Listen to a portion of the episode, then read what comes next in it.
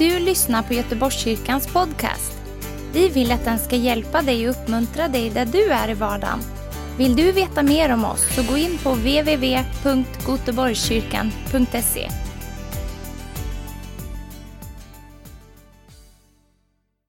Vi känner vi Guds närvaro här. Det är ju underbart. Så det är det vi längtar efter, eller hur? Det som gör skillnaden i våra liv, det är Guds närvaro i oss. Det längtar vi efter. Vi längtar efter precis det här som vi sjöng här nu, att vi ska få bli fyllda av den heliga Ande och fyllda av Guds eld i våra liv. Tack Kevin.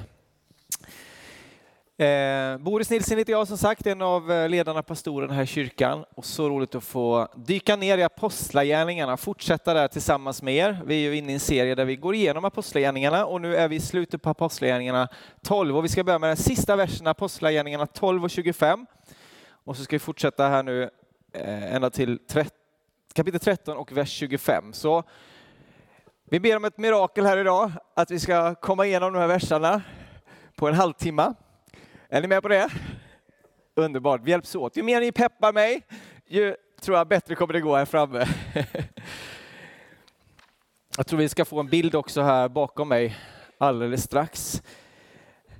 Du kanske är som jag, tycker det är jag tycker det är otroligt roligt och intressant, kanske inte roligt framförallt, men intressant att se på dokumentärer.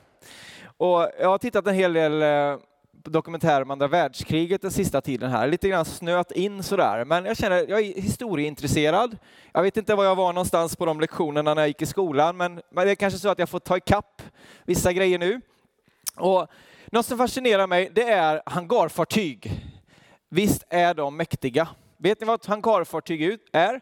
Det är ett gigantiskt fartyg där man har eh, flygplan på, helikoptrar, och så skickar man ut de här flygplanen man skickar ut och man tar också emot flygplan. Jag vet inte om ni har sett en sån där, jag har gått in så här kollat på Youtube och så sitter jag och bara gottar mig sådär, när de gör de här brutala landningarna.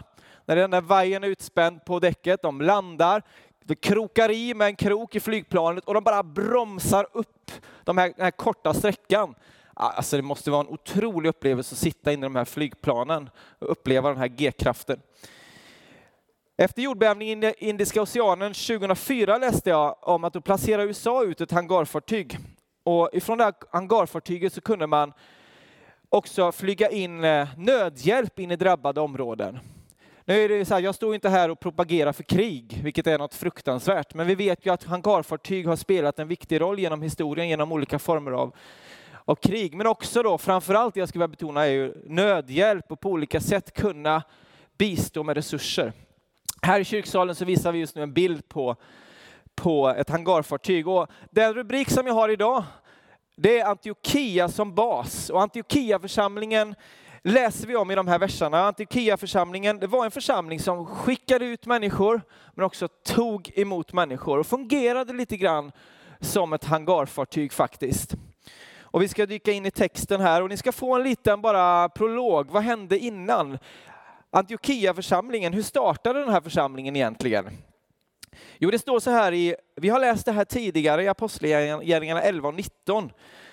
Det står att de som hade skingrats genom förföljelse som bröt ut mot Jerusalemförsamlingen, så började, eh, som började när Stefanus stenades då, då står det att, att det kom några till Antiochia, och bland dem fanns några från Cypern och Syrene, och när de kom till Antiochia började de tala även till grekerna, förkunna evangeliet om Herren Jesus. Och Herrens hand var med dem, står det, och ett stort antal kom till tro och omvände sig till Herren.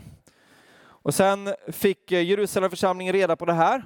Alltså att några, det står inte ens namnen på de här, i en annan översättning står det att några män, står det, började predika Antiochia. Herrens hand var med dem, ett stort antal kom till tro och det föddes en församling. Och nu fick de reda på det här i Jerusalem, så de skickade ner Barnabas. Och sen så sökte också Barnabas och Paulus för att det var så många att ta hand om, så de behövde liksom få dit resurser och hjälpa dem att etablera den här församlingen och få den stabil. Och det som händer sen då, det är att eh, det kommer en, en profet vid namn Agabus och han profeterar om en stor hungersnöd som ska komma.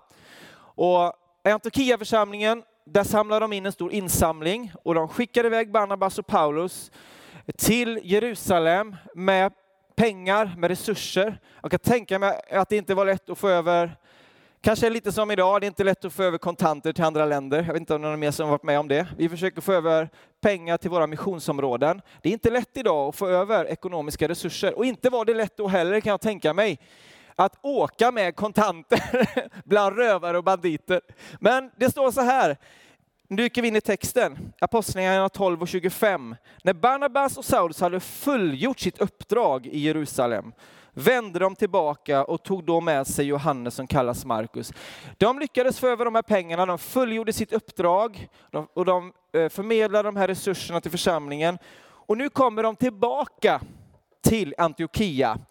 Och då tar också Barnabas med sig sin kusin som är Johannes Markus. Vi fortsätter i vers 1 3 här nu då, nu går vi till nästa kapitel 13 står det så här att i församlingen i Antiochia fanns det profeter och lärare. Barnabas, Simeon som kallas Niger, Lucius från Cyrene, Manaen som var fosterbror till landsfursten Herodes samt Paulus.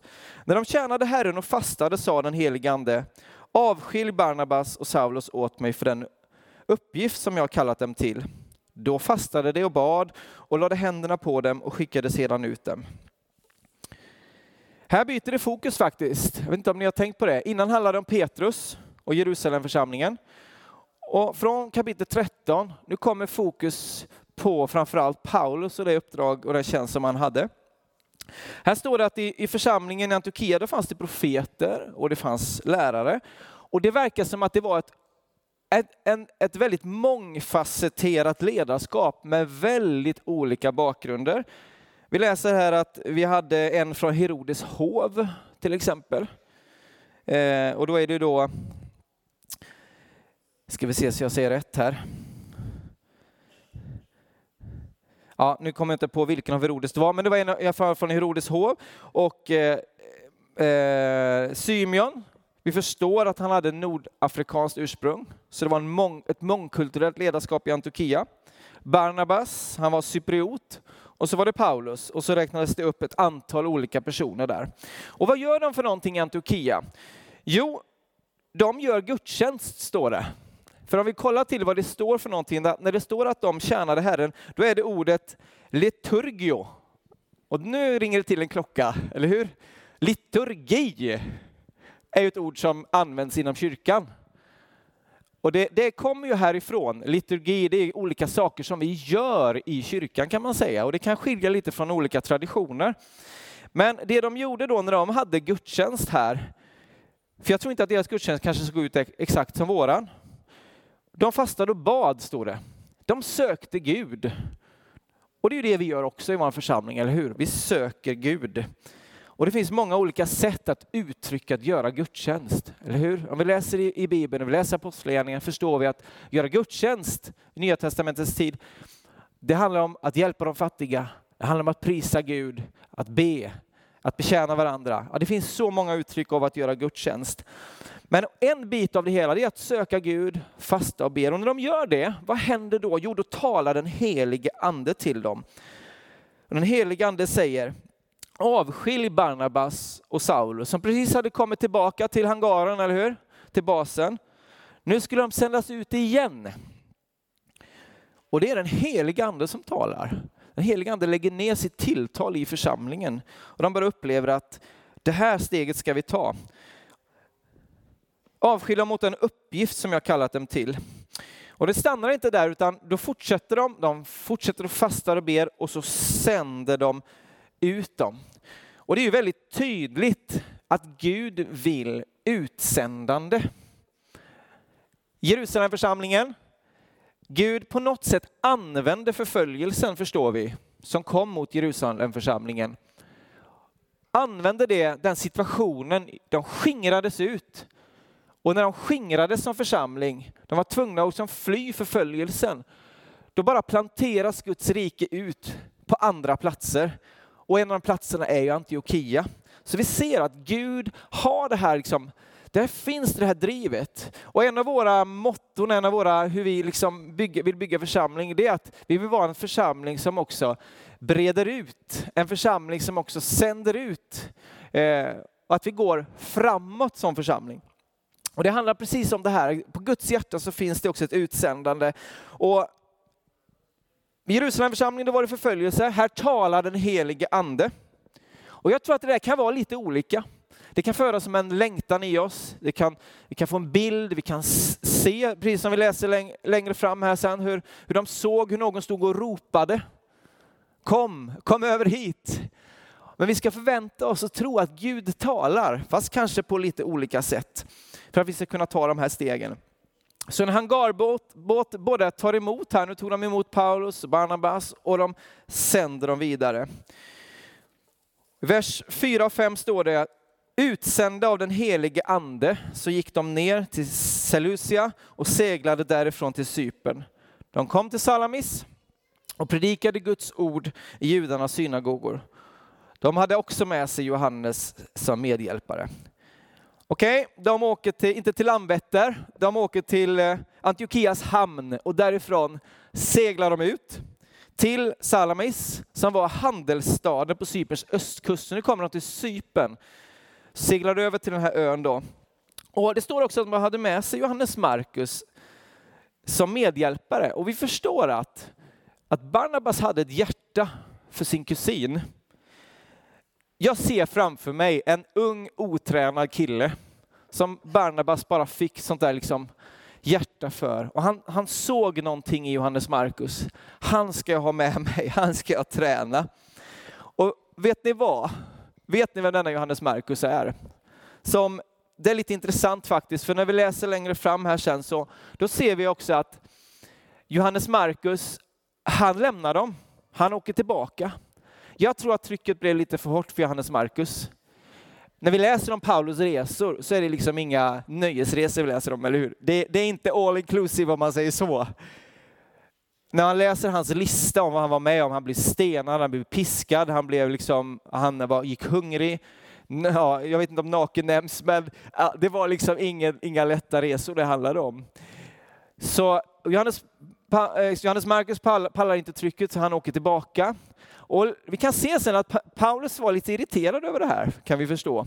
Men läser vi vidare Apostlagärningarna sen så kan vi också se att någonting händer. Att Paulus börjar omfamna Johannes Markus igen. Men Barnabas, han trodde på Johannes Markus.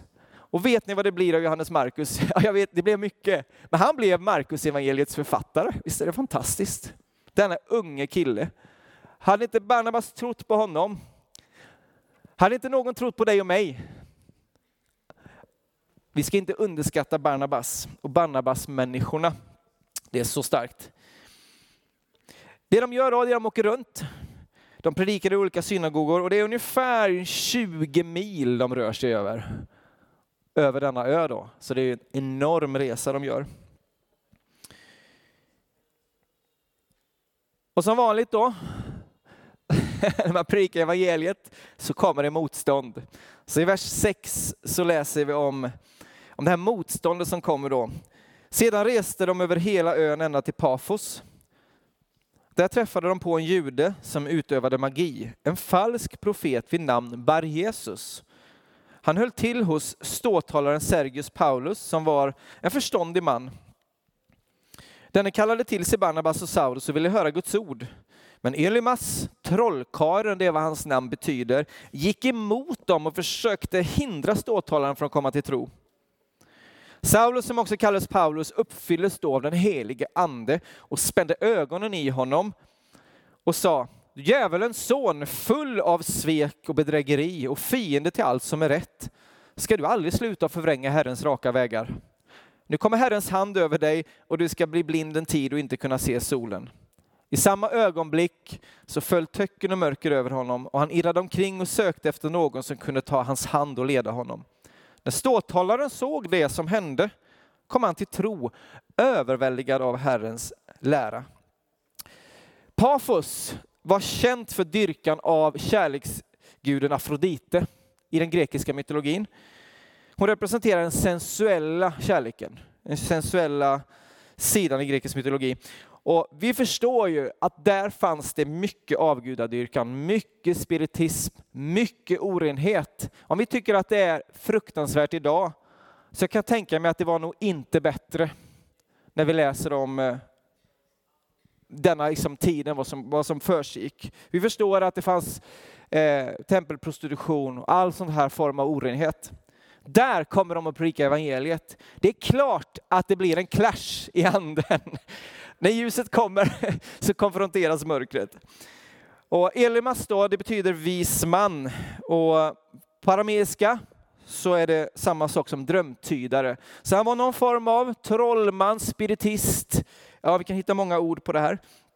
Och det han gör är att han, han hängde i maktens korridorer faktiskt. Han, han hade nästlat sig in, eh, var nära Cyperns prokonsul Sergius Paulus. Han hade den högsta romerska befattningen på den här ön. Alltså han var liksom romarrikets representant där på ön. Men det står att han var en förståndig man, tack och lov. Så han ville höra Paulus och Barnabas, han kallade till sig dem. Och vad gör då Elimas, trollkarlen? Jo, han försöker hindra dem från att föra honom till tro. Han är där och sätter sig på tvären. Och jag tror att eh, det här kan vi se på olika plan. Jag tror att det finns en sån här andlig kamp. Det finns makter som vill hindra både på det personliga planet, att vi ska närma oss Gud, att människor ska lära känna Jesus. Vi kan se det i vårt samhälle. Precis som hela ön var påverkad av de här makterna. Och Gud vill påverka både platser och han vill nå fram till oss individer. Och vi vet att det finns en andlig kamp. Det finns en andlig kamp i vårt samhälle. Eh, och här fanns ju också säkert jättestarka ekonomiska incitament, alltså liksom motivation till att han ville ha sin makt. Precis som idag så driver ju de här sakerna runt enorma summor. Det är stora delar av världsekonomin. Och säkert var det en stor del av ekonomin som drogs runt också, den här kulten kring eh, dyrkan av Afrodite. Så när de kommer där, då, då är också liksom, de, de, är ju där liksom och hotar politiskt, ekonomiskt. Och han vet att det här kommer sätta stopp för hans inflytande. Men det som är så fascinerande att, att se det är ju hur, hur Paulus uppfylls av den helige Ande. Och han går emot det här. Han, han, han liksom, eh, konfronterar helt enkelt den här mannen. Och det verkar också, jag tänker så här, det verkar som att troligtvis så var det någon form av liksom nådegåva som aktiverades i Paulus. Vi läser i, Apostel, eller i Korinthierbrevet 12 om, om kraftgärningarnas gåva, andebedömningens gåva. Och troligtvis var det någonting som aktiverades i Paulus liv här. Jag menar, ska vi gå runt och bara liksom eh, säga du djävulens son till människor hur som helst? Nej, absolut inte. Men jag tror att, den, att Paulus han var ledd av den heliga ande och han fördes in i den här konfrontationen av Guds ande. För det står ju att Guds ande kom över honom. Och här ska vi vara väldigt försiktiga att inte använda Guds namn, att kliva in i saker som vi inte har mandat för att göra. Men när vi är ledda att faktiskt våga att inte alltid vara så PK, eller hur, politiskt korrekta. För är det någonting som är ett problem idag, det är ju att vi måste vara politiskt korrekta i allting. Men det måste vi inte och jag tror absolut inte vi ska vara det. Och är det någonstans vi kommer få uppleva, tror jag, motstånd och förföljelse som Guds folk så är det ju här när vi vågar tala sanning, när vi vågar konfrontera det som inte är rätt, det som är orätt. Och här, här behöver vi ju bön. För jag tror att genom bön också så uppenbarar Gud vad det är som ligger bakom de här makterna. Jag tror ju att de, de, de sökte Gud. Vi märkte att han höll på och hindrade. De bad ju garanterat liksom. Gud, liksom, led oss i det här. Visa oss hur vi ska gå emot det här, hur vi ska göra. Liksom. Gud, du har en väg i det här. Och jag tror att vi som församling, vi möts i bön, så talar också Guds ande. Han ger oss en strategi hur vi ska agera i olika situationer så vi får en pricksäkerhet. Men också att vi ska tro att andebedömningsgåva, som faktiskt är av en av andens nådegåvor, ska vara aktiva i vår församling så vi kan se bakom. Vad är det egentligen som ligger bakom?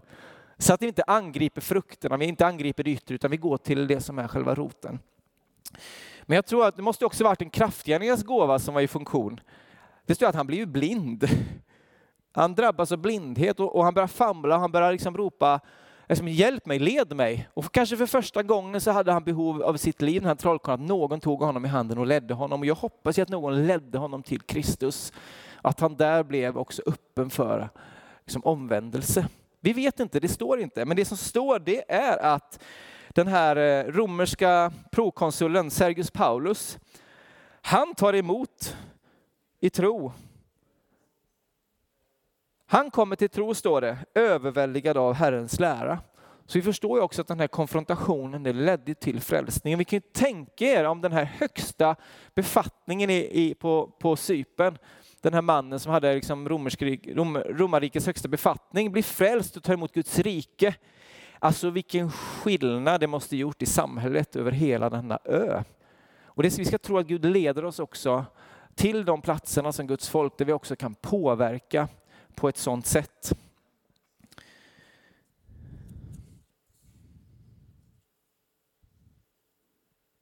Sen bara en liten detalj, Herrens vägar, Herrens raka vägar. Jag tycker det är så underbart att läsa att Guds vägar är raka. Vi tänker många gånger att Guds vägar är mycket krokigare än vad de är. Kanske är det så att vi inte vågar gå igenom motståndet och väjer för mycket. Bara en liten detalj. Okej, okay, eh, nu kan vi också se ett annat skifte. Vi sa innan att i kapitel 13 så blir det skifte från Petrus till Paulus. Här blir det också ett skifte mellan Barnabas och Paulus. Vi vet ju att precis som Barnabas tog sig an Johannes Markus här, så var det ju Barnabas som tog sig an Paulus.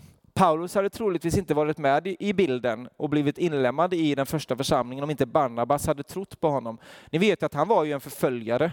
Han var ju en som dödade de kristna Paulus. Och vi har ju läst tidigare här, tid, tidigare söndagar om Paulus omvändelse. Och Jerusalemförsamlingen var ju grymt skraja för att ta in Paulus och det hade jag också varit. Men tack och lov så fanns det ju en Barnabas. Säkert är det så att Barnabas hade andebedömningsgåva också. Han kunde se igenom liksom, är hans omvändelse äk, äkta eller är han en typ terrorist som vill nästla sig in för att spränga församlingen? Jag menar, det hade ju lika väl kunnat varit så, eller hur? Men Barnabas någonstans ser, tror jag, bakom. Han tror på honom. Han får församlingen att ta emot Paulus och hjälper honom på hans liksom första steg. Och det är Barnabas som är ledaren och Paulus som är med. Men här ser vi ett skifte. För nu är det Paulus som kliver ut. Eh, vi kan läsa i... Här kan vi faktiskt läsa i vers 13 och 14 så står det att Paulus och hans följeslagare seglade senare ut från Pafos och kom till Perge i Pamfylien. Där lämnade Johannes dem. Här läser jag om det här. Johannes Markus lämnade dem och återvände till Jerusalem. Själva fortsatte de sin resa från Perge och kom nu till Antiochia Pisidien. Det är alltså det är ett annat Antiochia. Det fanns massa olika Antiochior. Det här var ett annat Antiochia. Nu reser de över Medelhavet. Precis. Eh, och Paulus och hans följeslagare. Det verkar som att i och med den här konfrontationen kan det varit så att Paulus klev liksom ut i ett större mandat och ledarskap.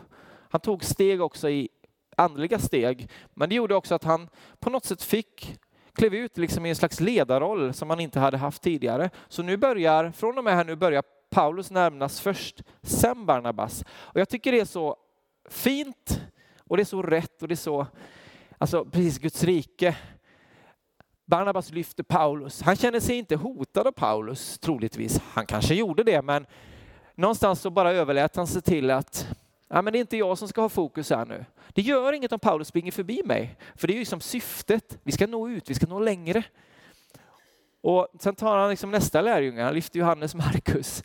Och jag tycker det här är precis liksom vad Gud har kallat oss till att göra. Någon sa så här, jag tycker det är så bra, Låt ditt tak bli någons annans golv. Visst är det en bra livsinställning som vi ska ha? Det är väl fantastiskt om nästa generation, om våra barn eller någon annan går längre än oss själva. Inte känner vi väl oss hotade av det, utan gläds när någon går längre, någon är smartare, starkare eller vad det än är. Det är väl bara underbart, eller hur? Det är så vi vill att det ska vara. Okej, okay, men nu undrar jag så här då. De kommer över Medelhavet, de stannar, eh, eh, ska vi se här, i Perge och sen åker de direkt vidare. Varför åker de upp till Galatien och stannar inte i Perge? Varför stannar de inte där och predikar? Ja, jag har läst lite, gjort lite research här. Eh, det är jätteintressant. Det är lite så här parentes här då. Det står i Galatiebrevet, vi behöver inte slå upp det, men i 4.13 så står det att det berodde på att Paulus kom till Galatien på hans dåliga hälsa, att han kom dit första gången. Och det här var ju första gången han kom dit. Så troligtvis, jag tänker också den mänskliga faktorn. Vi tänker många gånger på de här bibliska personerna som oh, liksom, de hade inga liksom, svagheter, de kunde göra precis vad som helst. De var alltid ledda av anden. Men jag tror vi måste se in det mänskliga. Jag tycker det är så bra att vi kan göra det här. Att de var troligtvis tvungna att åka upp dit på grund av Paulus hälsa. Men det kan också varit så här. För när de har efterforskat i arkeologiska efterforskningar så verkar det som att han Sergius Paulus hade en son där uppe. De har hittat arkeologiska fynd som stämmer överens. Så det kan vara så här. För det är också en annan bit. Att när vi när vi läser Apostlagärningarna så är det så mycket mer relationer och så mycket mer familj och släktskap än vad vi ofta tänker på. Kan det varit så att han Sergius Paulus, han hade fick nöd för sin son där uppe? För vi, vi vet, vi förstår ju att det var inte så bara att han blev frälst, ”Amen, räck upp din hand, var välsignad, nu åker vi. Det var klart att de möttes och samtalade, hade en process. Och han delade säkert sitt hjärta. Liksom, jag har nöd för min son, han måste också få dela Guds rike. Tänk om det var så att om han hoppade över Perge och åkte direkt dit för att nå hans son. Det här är ju bara spekulationer, men det finns ju arkeologiska kopplingar. Intressant, tycker jag i alla fall. Så relationerna, jag menar Barnabas tog med sin kusin. Och jag tror det här är också en uppmuntran till oss, att inte tänka att det är bara de människorna långt där borta som vi ska träna till lärjungar. Den största utmaningen kanske är våra egna barn, vår egen familj, våra egna släktingar, din kusin. Och jag tror att, här, att Gud vill liksom använda oss att sprida Guds rike bland de som står oss nära.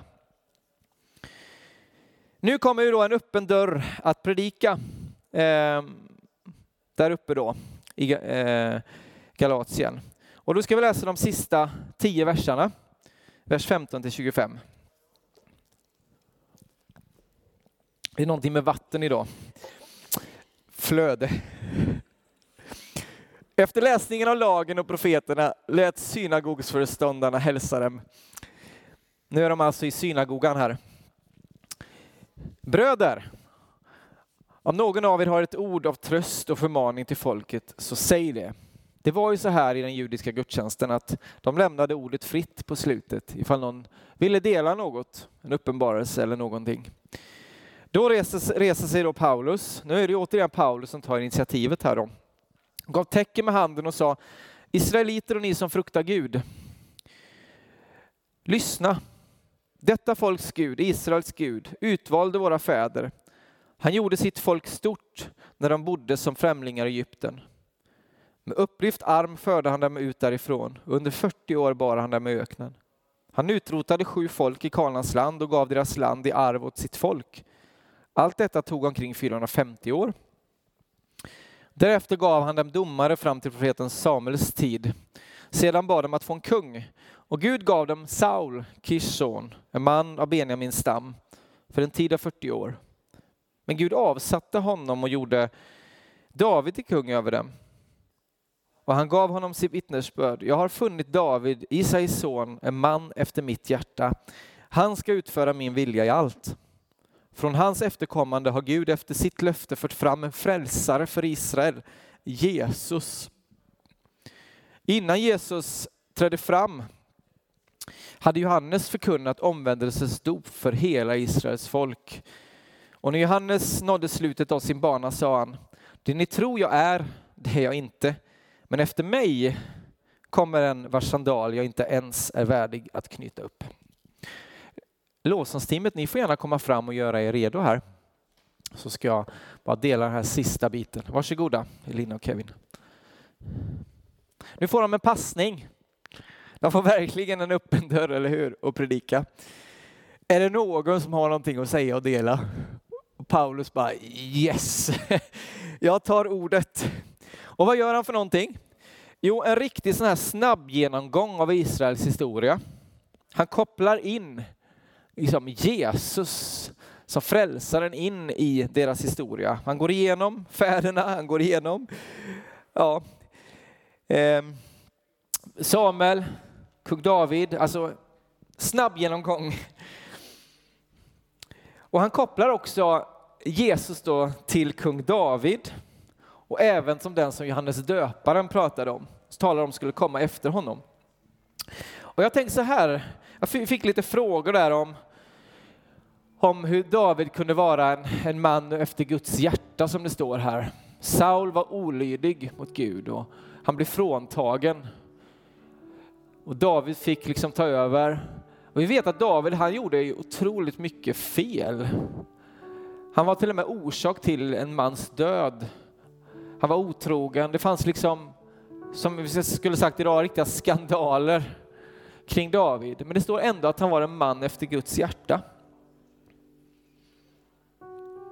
Och så varför har, eh, jag tänkte så här också, varför har Paulus med Johannes? Vad var det Johannes gjorde? Han talade om omvändelse och dop. Han talade om, om hjärtat. Och innan här så säger han också att kung David var en man efter, efter Guds hjärta. Kan det vara så att det inte först och främst handlar om våra misslyckanden, våra svagheter, utan det handlar om vår ödmjukhet och vår inställning inför Gud. Om vi liksom kan ta emot det som Gud har tänkt. Antagligen var det därför Johannes döparen kom. Vi kan ju förstå att han kom för att ropa ut, omvänd er, gör era hjärtan redo. Efter mig kommer någon som är större. Precis samma inställning som eh, Barnabas hade. Han ville liksom lyfta någon annan. Johannes hade den inställningen. Men vad var det som var problemet? Det var, det var hjärtana. Vad är det som är problemet hos oss? Det kan vara våra hjärtan många gånger, eller hur? Jag tror inte att problemen är först och främst våra svagheter, utan det är om vi är beredda att ödmjuka oss inför Gud, bekänna vår svaghet, bekänna vårt behov av omvändelse, bekänna vårt behov av Gud, av hans nåd. Saul, han liksom han lydde inte Gud, det var olydnad som var problemet. Hans hjärta blev hårt. Men David, vi kan ju läsa, vi ska, kan inte gå in och ta hela det här bitarna om David nu, men vi vet att han, han omvände sig, han sörjde över sin synd. Och när Nathan kom och uppenbarade för honom, han fick insikt, han förstod att det är ju jag som är den här mannen du talar om. Så står det att han liksom ödmjukade sitt hjärta, han, han kom in i en, liksom en förkrosselse. Och vi kan också läsa eh, i andra sammanhang, vi kan ju läsa om Sakarias till exempel som levde i templet. Eh, han, han liksom väntade på frälsaren, han var en rättfärdig man står det. Och vi vet ju att det fanns rättfärdighet också i gamla förbundet. Inte rättfärdighet genom e- egna gärningar utan rättfärdighet i tron på den kommande frälsaren. Men att man också vandrade efter ett rent hjärta inför Gud. Och det rena hjärtat det måste ju bestått i att jag ödmjukar mig inför Gud. Jag, är, liksom, jag har synd i mitt liv. Jag är otillräcklig. Men Gud, du är frälsaren. De trodde på en kommande frälsare. Vi idag har ju den stora förmånen att få, få tro på en frälsare som har kommit. En frälsare som har gjort allting möjligt för dig och mig, som har öppnat dörren in, som återlöst oss till gemenskap med Gud igen. Och därför kan vi frimodigt gå ut också, predika evangelium. Och de predikar evangelium Fortsättningen, vad som händer, får bli en liten cliffhanger, för det kommer nästa söndag. Då kommer fortsättningen av predikan, så ni får liksom bara hänga i här. Men du och jag, vi kan välja idag. Det är det jag skulle vilja skicka med det sista här innan vi också ska sjunga en sång tillsammans. Vi kan ju välja att ta emot eller stå emot Guds inbjudan och vi kan välja att böja oss inför honom. Att han får röra vid våra hjärtan så att vi också kan få vara det här, få sändas ut, få vara med om det som Gud har. Vi ska be, om en liten stund ska vi be lite mer tillsammans. Jag kommer komma upp och dela några minuter till. Men innan dess kan vi inte bara resa oss upp och så ska vi sjunga en sång som handlar om att överlåta våra hjärtan, om Guds eld i våra liv. Så bara låt dig betjänas och ta emot av den här sången. Sjung med och ge ditt hjärta till Herren. Varsågod Elina, ta med oss. Tack för att du har lyssnat. Dela gärna podden med dina vänner och glöm inte prenumerera. Om du har frågor eller vill att vi ska be för något så mejla oss på info På söndagar har vi veckans höjdpunkt. Då firar vi gudstjänst tillsammans och det vore så kul att träffa dig där. Men vi har även samlingar för barn då? Gå in på vår hemsida goteborgskyrkan.se så får du veta mer. Välkommen till oss!